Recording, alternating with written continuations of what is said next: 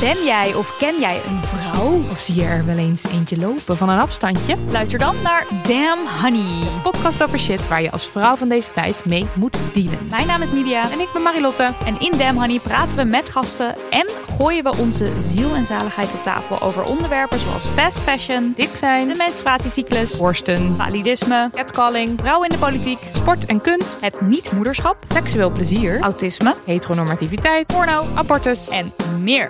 Elke zaterdag in je podcastfeed.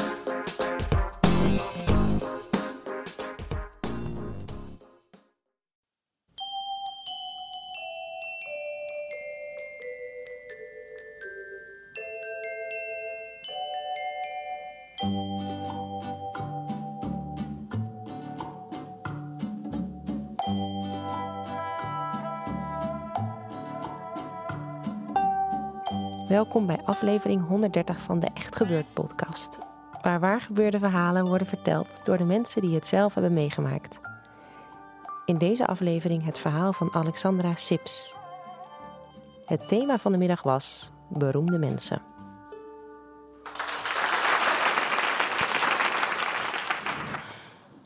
Ik heb altijd veel van boeken gehouden. En toen ik halverwege de twintig was, was ik in mijn Jane Austen-periode terechtgekomen. En mijn Jane Austen-periode die begon met het boek Pride and Prejudice, die ik graag in het Engels wilde lezen. En voor iedereen die niet weet waar Pride and Prejudice over gaat, eh, het verhaal gaat over vijf dochters die zo snel mogelijk van hun moeder met een rijke man moeten trouwen. Ehm, en de slimste, Elizabeth, die verzet zich daartegen, omdat ze vindt dat het toch ook op het innerlijk zou moeten gaan. Ze heeft alleen niet door dat door haar eigen trots ze zelf behoorlijk bevooroordeeld kan zijn over het innerlijk van anderen, waardoor ze bijna haar grote liefde Mr. Darcy misloopt. En gelukkig komt het uiteindelijk allemaal goed. En eh, trouwt ze Mr. Darcy, die niet alleen heel rijk blijkt te zijn, maar ook nog heel nobel.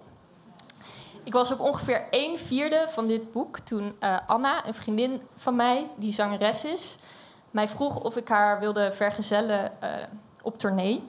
Ze had namelijk twee nummers gemaakt met een wereldberoemde DJ genaamd Armin van Buren. En ze zouden voor twee shows een eh, weekend naar Moskou gaan. Ja, ik wist natuurlijk wel dat ik die muziek helemaal niet leuk vond. En eh, het was ook niet echt mijn type mens die op dat soort feesten zou komen. Maar ja, ik zag het wel zitten en ik zag het ook helemaal voor me. Ik dacht, oh, dan ga ik naar het Kremlin. Dan maak ik een foto van mezelf uh, met Kremlin. Zet ik dan op Facebook. En uh, zo, zo zag ik het voor me. Nou, uh, Anna had me niet helemaal voorbereid uh, ja, op wat ik kon verwachten. Dus toen we aankwamen bij het hotel en het bleek het duurste hotel van Moskou en misschien wel van heel Rusland te zijn, moest ik toch wel eventjes uh, naar adem happen. Je moet je echt voorstellen, als je daar binnenkwam, marmer. Alleen maar marmer. En als je iets van dat marmer aanraakte, dan kwam er meteen een bediende om het weg te poetsen. Er was een Bentley-winkel in de lobby. En um, af en toe zag je zo'n sexy vrouw de lift instappen, waar, waar, waarvan wij allemaal al snel wisten dat is de hotelprostituee. En uh, ja, ik nam me maar voor om, uh, net als Elizabeth uit Pride and Prejudice, om me vooral niet te laten intimideren door oppervlakkige zaken als status en geld. En zo kwam het dat ik door die lobby liep met mijn tien jaar ouder versleten backpack, met daarin dat boek voor als het niet leuk zou worden. Uh, behalve Anna en Armin uh, waren er nog een hele delegatie met andere artiesten meegekomen, waarvan sommige bekend, uh, andere minder. Ik ken ze eigenlijk allemaal niet. en aan de buitenkant leek het alsof ze allemaal gelijk waren, alsof er geen hiërarchie was. Ze hadden bijvoorbeeld allemaal een grijs rolkoffertje. Ze droegen ook allemaal gekleurde sneakers. Maar als je goed keek en goed oplet, dan zag je dat die hiërarchie er wel degelijk was. Want de meeste die gedroeg zich toch wel echt anders als Armin in de buurt was dan als hij er niet was. Mijn moment uh, om die foto met dat Kremlin te maken kwam eigenlijk al meteen. En toen ik in de lift uh, daar naartoe uh, zat, stond, toen stond ik in de lift met een jonge man genaamd Christian. En Christian die zag eruit alsof hij net iets te lang onder de zonnebank had gelegen. Eh, net iets te lang bij de tandarts was geweest. Had helemaal van die lichtgevende tanden. Eh, maar hij had wel een hele open uitstraling. En hij vroeg mij wat ik deed in de show. Ik zei, well, I'm a friend of Anna. How about you? Nou, uh, hij keek me aan alsof dat een hele rare vraag was. yeah, I write songs, I'm a singer, that kind of stuff. Ik zo, oh, just like Anna. Toen keek hij me zo een paar seconden aan. Yeah, something like that. En ik dacht van, oké, die voelt zich dus veel hoger in de hiërarchie dan Anna of zoiets. Maar hij wilde ook mee naar het Kremlin. Dus we liepen daar naartoe vanaf, vanaf het hotel. En toen we daar aankwamen, uh, gaf ik hem mijn fototoestel. En ik zei, can you make a picture of me? Maar er ontstond even verwarring. Want volgens mij dacht hij dat, uh, dacht, uh, dacht hij dat ik wilde vragen: Do you want to go on a picture with me? Maar ik zei: No, no, no, no, of me in the building. en. Nou ja, hij deed het uiteindelijk toch. En het was wel een beetje awkward. Dat moet ik wel zeggen. En daarna liepen we verder naar de achterkant van het Kremlin. En op een gegeven moment voelde ik zo'n schouderklopje. En dat bleek Christian te zijn. En hij zo, uh, do you want to go in a picture with me? Ik zo, ja, yeah, sure, why not?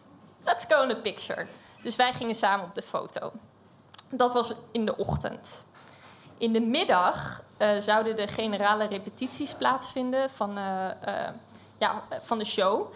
En dat zou plaatsvinden op de plek waar ook de uiteindelijke show plaats zou vinden. Dus een grote sporthal, waar echt tienduizenden mensen in kunnen. En tijdens die repetities ja, was het eigenlijk gewoon een soort van leeg. Er waren een paar mensen bezig met het opbouwen van de stellages.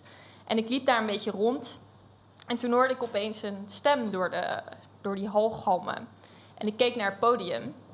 En het bleek Christian te zijn, want het was zijn moment om te gaan repeteren. En uh, ja, op een gegeven moment hoor ik opeens uh, die stem zeggen van... Ja, yeah, this next song I'd like to dedicate to Alexandra who's with us here tonight. Alexandra, this song is for you. En het was net alsof ik in een soort van romantisch boek was terechtgekomen. Waarbij ik eigenlijk zeg maar een soort van stap naar achter wilde doen om te kijken waar Alexandra was. Om dan vervolgens tot de conclusie te komen dat het toch echt over mij ging. En uh, nou ja, toen begon hij te zingen en hij had een uh, mooie stem. En er kwamen allemaal teksten als Can't you see this light between us? En ik was ja, behoorlijk van me apropos.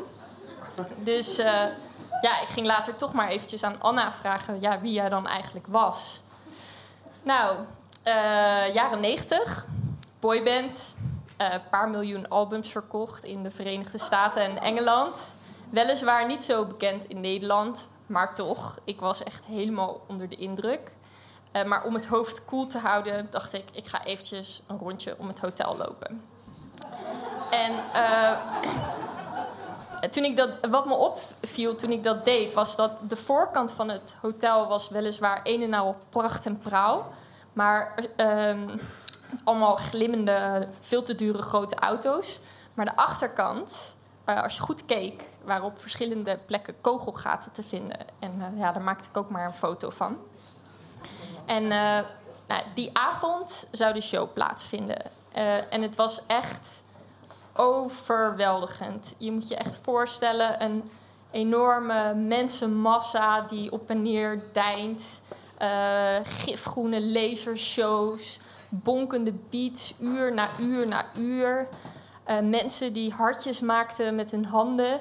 En dat klinkt nu heel cheesy, maar ik had echt het gevoel dat er heel veel liefde was in die, die, die zaal. Alsof uh, ja, die sporthal in een soort van tempel of kerk was veranderd met allemaal oprecht gelovigen. En uh, dat dan de, de artiesten de goden waren en Armin de oppergod. Die, die, dan via de muziek zijn liefde op de mensen deed neerkomen. Nou, mij lukt het alleen niet helemaal om me daaraan over te geven. Um, uh, en ik probeerde krampachtig aan mijn nuchterheid vast te houden. En het bewijs daarvan is zelfs nog geleverd in de VIP-room. Waar er een foto van mij is gemaakt op de bank met dat boek. En, En op de, achter, eh, op de achtergrond naast mij twee Go-Go Girls. Dat zijn van die danseressen uit Oost-Europa die naakt op het podium dansen. En, eh, maar ik kon me natuurlijk helemaal niet concentreren, want op de achtergrond was de, de manager van Armin allemaal sterke verhalen aan het vertellen over de laatste keer dat hij drugs had gebruikt met de, de, een van de neven van Saddam Hussein. en.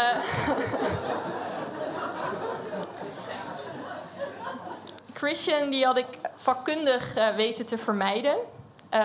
daar voelde ik me wel heel schuldig over. Maar ik wist gewoon niet zo goed wat ik met de situatie aan moest. En de laatste ochtend ging ik nog eventjes naar het zwembadencomplex onder het hotel. En daar was vrijwel niemand. Uh, op een enkele Rus na die een paar baantjes aan het trekken was in het zwembad. En ja, toen zag ik hem opeens zitten. Christian, in het bubbelbad. hij keek mij heel uitnodigend aan. En, want maar hij had me al lang gezien. En volgens mij zei hij ook iets van: Hey Alexandra, how are you? En ik weet niet of het pride was of prejudice.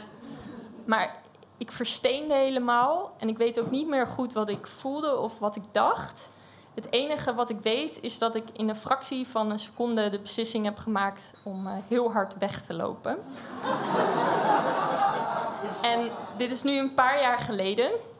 Ik zal nooit weten of Christian mijn Mr. Darcy is of was. Uh, maar wat ik wel weet nu is dat ik dingen als boeken en Facebook-foto's nodig had om een soort van marmeren muur om me heen te creëren. En het boek heb ik wel uitgelezen. Uh, en op de laatste bladzijde valt te lezen dat Elizabeth, hoewel ze gelukkig getrouwd is, uh, dat sommige van haar karaktertrekken niet meer zullen veranderen. Ik weet niet of mijn karakter is veranderd, maar heel af en toe als ik aan het koken ben, dan ga ik naar YouTube. Zet ik de volumeknop heel hard aan. En dan geef ik me helemaal over aan boybandliefde. Dat.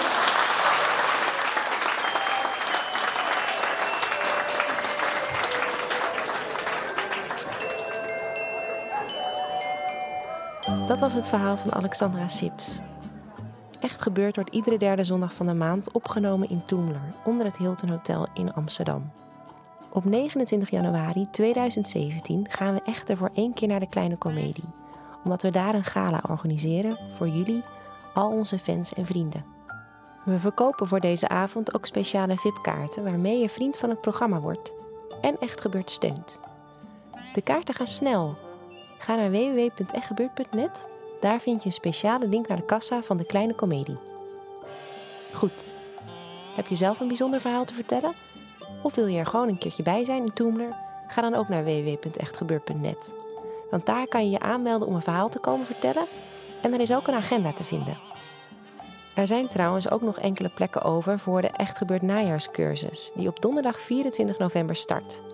In vier avonden leren we je de fijne kneepjes van het vertelvak. De redactie van Echt Gebeurd bestaat uit Paulien Cornelissen, Micha Wertheim, Eva-Maria Staal en ikzelf, Rosa van Toledo. De techniek is in handen van Nicolaas Vrijman. De volgende Echt Gebeurd is op zondagmiddag 20 november.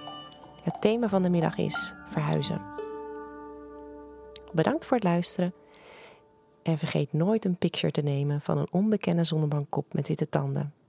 Hij zou zomaar je Mr. Darcy kunnen zijn. Toeloe.